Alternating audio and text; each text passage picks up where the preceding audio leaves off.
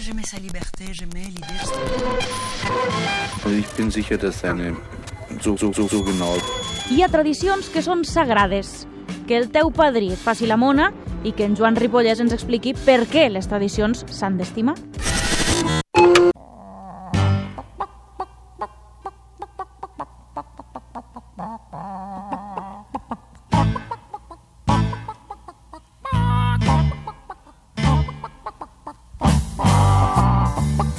Gallinetes, uh, o també oients, eh? ens podeu trucar al 932017474 perquè avui volem parlar de l'amor, les tradicions, per, per, us preguntem si us agrada més fer la mona o el mico, i de moment ja veiem que els catalans tenen sentit de l'humor perquè els agrada més fer el mico.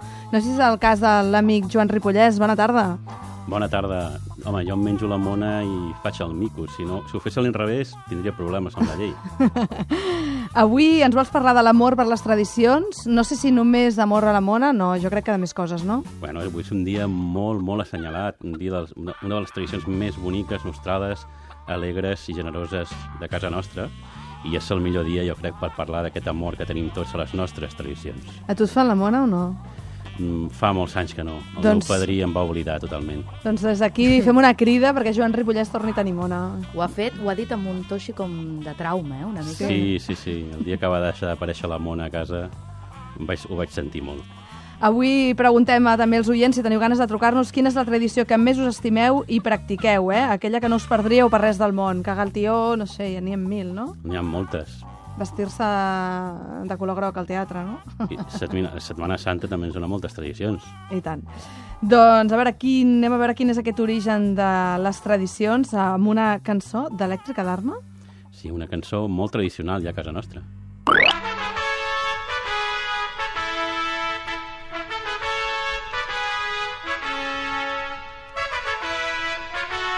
Ens arriba al cor totalment aquesta cançó, aquesta música tan nostrada que hem escoltat tantes vegades al camp del Barça, amb reunions castelleres, a tot arreu. Aleshores, hem triat aquesta cançó perquè la gent ja es posi en situació i comenci a pensar en les seves tradicions i que es faci una pregunta. Les nostres tradicions realment són nostres? Són d'aquí les tradicions que seguim? És un dubte que jo vaig tenir l'altre dia i m'ha dut a un lloc on pou sense fia. Què dius? M'estàs dient que, ens, eh, que no són nostres i que ens ocupiem tot? Si pensa, per exemple, aquesta Pasqua que celebrem avui, la, la, uh -huh. la Pasqua cristiana, en realitat no deixa de ser una còpia de la Pasqua jueva. La Pasqua jueva, sabreu que va néixer quan els, el poble jueu va abandonar Egipte i per commemorar aquella sortida, aquell inici de l'èxode, aquella anar-se'n del, de l'esclavatge del, del faraó, van aquesta crear... música de fons, de veritat que m'esparvera. Sí, la sí. imatge, simplement. És que a tu la gralla no t'agrada, potser. A mi la gralla eh, m'agrada amb els castells, però em més fa una mica de mal de gralla. que diries el que diu tothom. Una estona d'acord, però massa... Sí.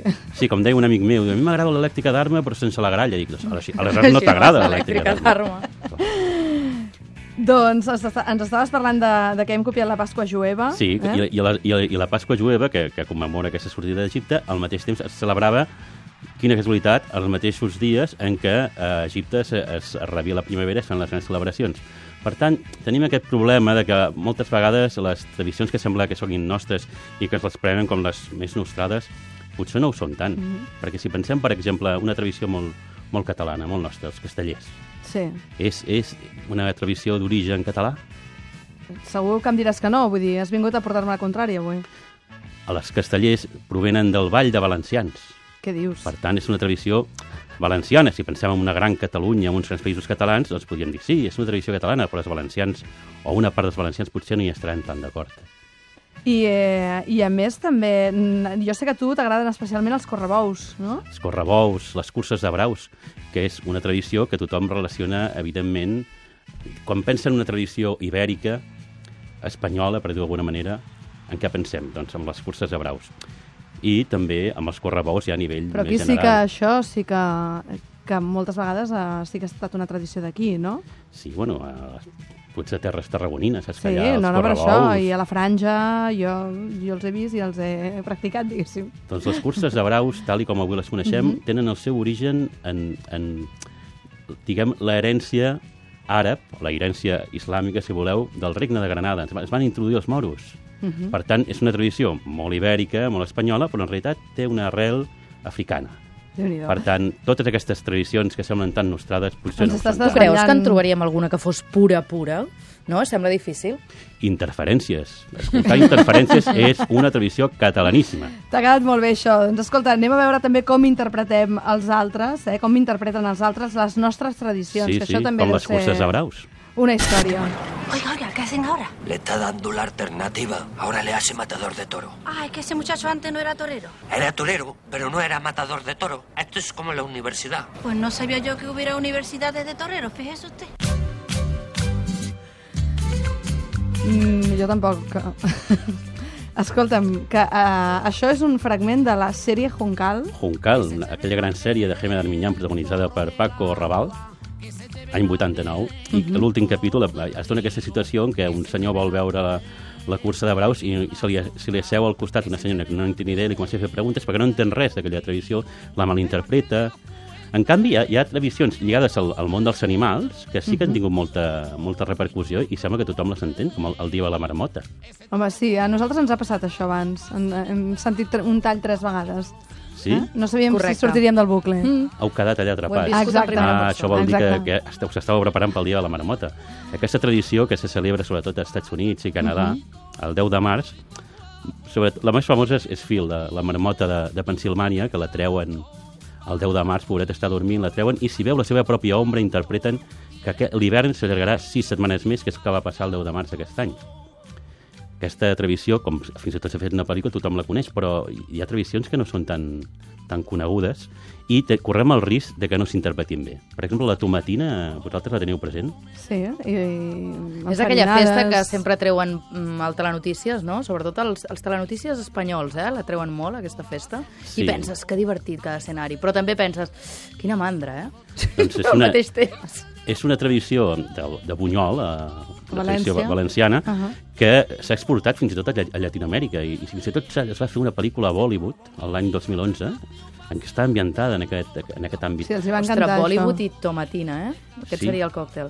Però la gent quan veu la tomatina per televisió, la gent que no estigui tan avasada com nosaltres, que ens la trobem cada any... Jo trobo brut, si vols que t'ho digui. Sí, és la, Que- és que la part de arribar a mandra que deia jo. Jo trobo com llefiscoset. Eh, que si algú ens ho vol explicar perquè li encanta aquesta tradició, endavant, eh? Però jo, el tomator, al plat. Eh? Aleshores, el, el meu dubte és, realment tothom pot, pot interpretar aquestes eh, tradicions tan nostades? Per exemple, si ve una persona que no ha estat mai en aquí i comença a mirar el calendari de les tradicions, eh, per exemple, en, en l'àmbit ibèric, es pot fer un cacau mental important, no? Perquè imagina que, que, que com, com no tenen gaire diferència de, de, de dies, comença a veure la tradició de les falles a València i, la, i després la Setmana Santa de treure I ara estava els sants a pensant, passejar. a la Índia es cultiven, no ho sé, no hi he anat mai, eh, i perdoneu la meva ignorància absoluta, i es cultiven tomates, vull dir, per fer una tomatina, no, no sé, perquè Ho potser dubto. també hi ha tradicions que exportes i després no són sostenibles, sabeu? Allò No. que passa. A Llatinoamèrica sí, perquè és un, el tomàquet jo crec que és d'origen americà, Sí. aleshores, però a la Índia la jo, dubto. Però el- els, els, els professionals de Bollywood tenen costums molt estranys, com anar a rodar els salts a la neu, suposo que els hi surt més barat que anar allà a l'Himalaya, directament, i la tomatina, que, que és, canvia el, el, el, blanc pel vermell. Uh, jo crec que tractant-se d'això que dèiem de tomàquets i d'Índia, potser és una missió impossible, com ho veus? Sí. Estas fiestas son un fastidio. Honrar a los santos quemando cosas. Curiosa manera de venerarlos, ¿no cree? Por poco me queman al venir hacia aquí.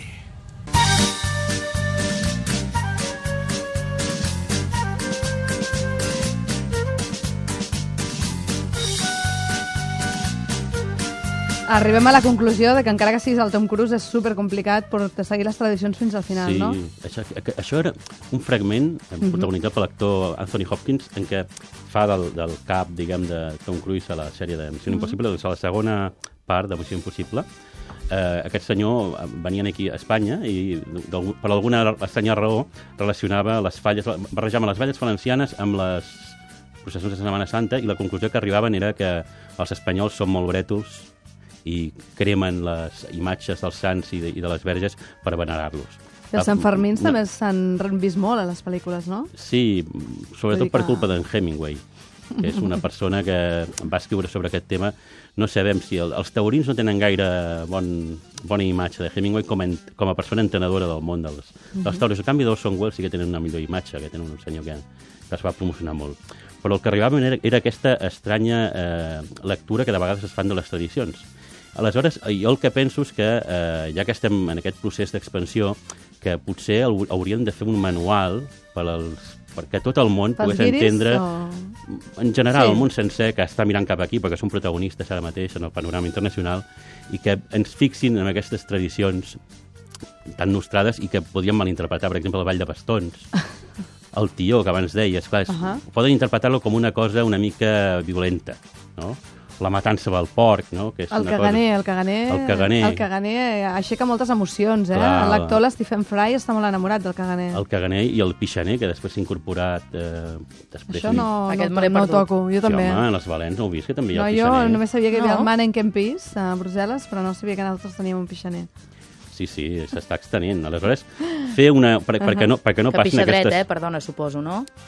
Perquè no passin aquests, aquests Se li ha problemes... passat desapercebuda la pregunta. Dic pixa dret, suposo. Clar, no clar, està segur. sí. Val, clar, el pixaner... I deu que, ser un no, home, De és veritat estrany, que no heu vist eh? la figura del pixaner. Jo crec que els No. nostres No. oients l'hauran vista. Eh? No ho sé, 9 3 2 0 7 4 7 és 4. igual que el caganer, dret, Sí. amb una mica amb els pantalons una mica baixats, i un fil ferro que li surt de certa part per que fa Però- veure que està orinant. Però és un home, eh? Un home assegut. Sí, sí, assegut. sí, Mhm. sí, sí, sí, És sí. estrany, és estrany. Doncs escolta, fem aquest manual 2.0, aquest Joan Amades 2.0, eh? eh? per la gent que no sàpiga res d'aquest món i els li volem explicar una miqueta com és, no? Sí, jo crec que l'hauríem de fer, l'hauríem de promocionar.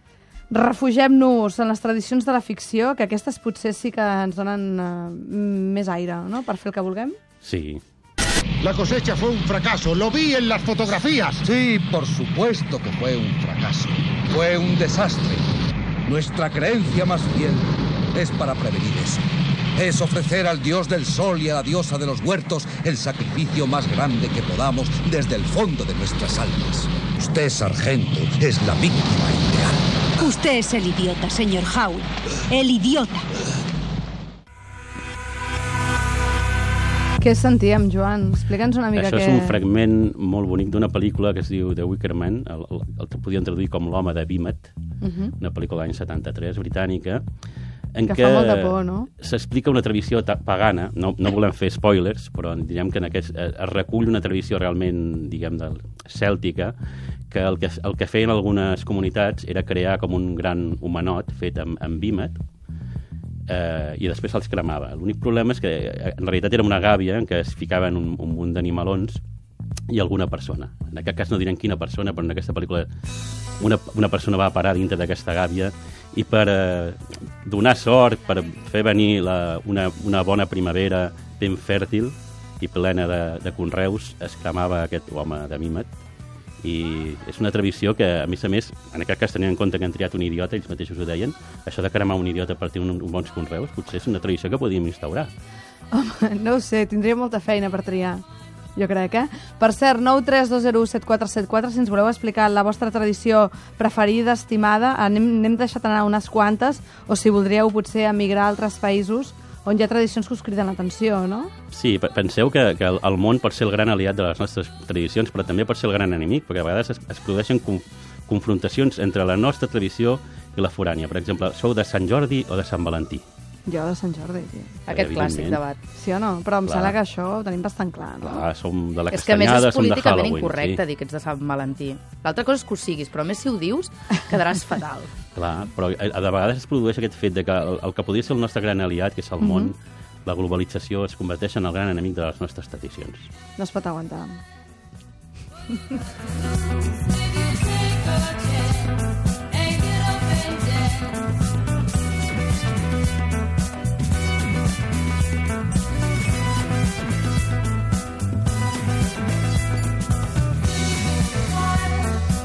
I escolta, segur que, tractant-se de tu, aquesta cançó que sentim ara l'has posat per alguna raó, no? Home, balla, balla, balla, perquè volem arribar a la meva tradició favorita.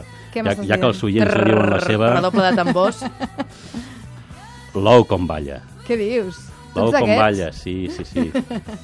No us agrada a vosaltres? Sí, No l'he vist mai. Jo sí. L'he vist per la I, tele, però no l'he vist mai en directe. Doncs s'ha d'anar a veure, eh? Un- Jo recordo que vaig impactar bastant.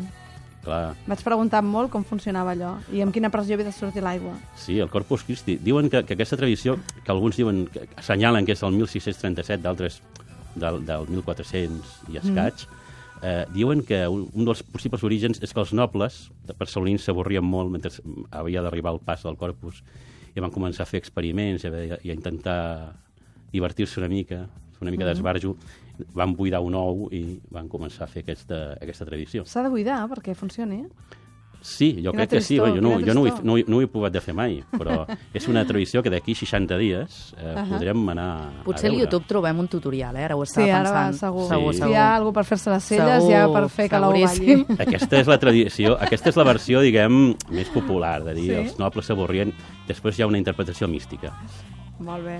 Potser les nostres gallinetes algun dia podran posar ous, que ens, dona- ens deixaran veure d'aquí 60 dies justament aquest, aquest ou com balla, que en la seva tradició mística seria una exaltació de l'Eucaristia. L'ou seria l'hòstia consagrada davant de la patena, que seria la copa de la font d'on surt el xorret. D'aigua que l'enlaire. Moltíssims vídeos al YouTube. Sí, ja veureu, en ja sèrio. veurem Ho acabo que- de posar, ou com Doncs, balla, escolta, Ou com els balla. secrets de l'ou com balla, Pengen una- observant l'ou com balla... Pengem-ne una a Twitter per si algú vol provar a casa, perquè això, amics, sí que ho podeu provar a casa, amb el permís de les vostres mares. I o tant, no. ja veus tu, trencar un ou al final. Ah, Joan Ripollès, ja sé que a tu t'agrada la, la tradició d'escoltar interferències, tots els festius intersetmanals. Sí. L'1 de maig ens tornarem a veure les cares. Ens Eh? tornem a veure aquí i convertim això en una tradició. Exacte. Doncs moltíssimes gràcies i oients, quedeu-vos aquí perquè encara ens queda una hora després de l'informatiu on us explicarem què passa a les carreteres. Eh? Entrevistarem a Joe Crepúsculo, que és la màquina de ballar més interessant que s'ha fet i desfet en aquest país. I a més també parlarem de pel·lícules, eh? com Fast and Furious, que segur que heu vist les 16 que han fet. Doncs l'amic... que- Sí, sí, perquè rius tu. No, jo no n'he vist cap. t'he imaginat Jo soc una mica mirant les 16 que han fet així non-stop. Molt bé, doncs moltíssimes gràcies. Fins aviat. Merci.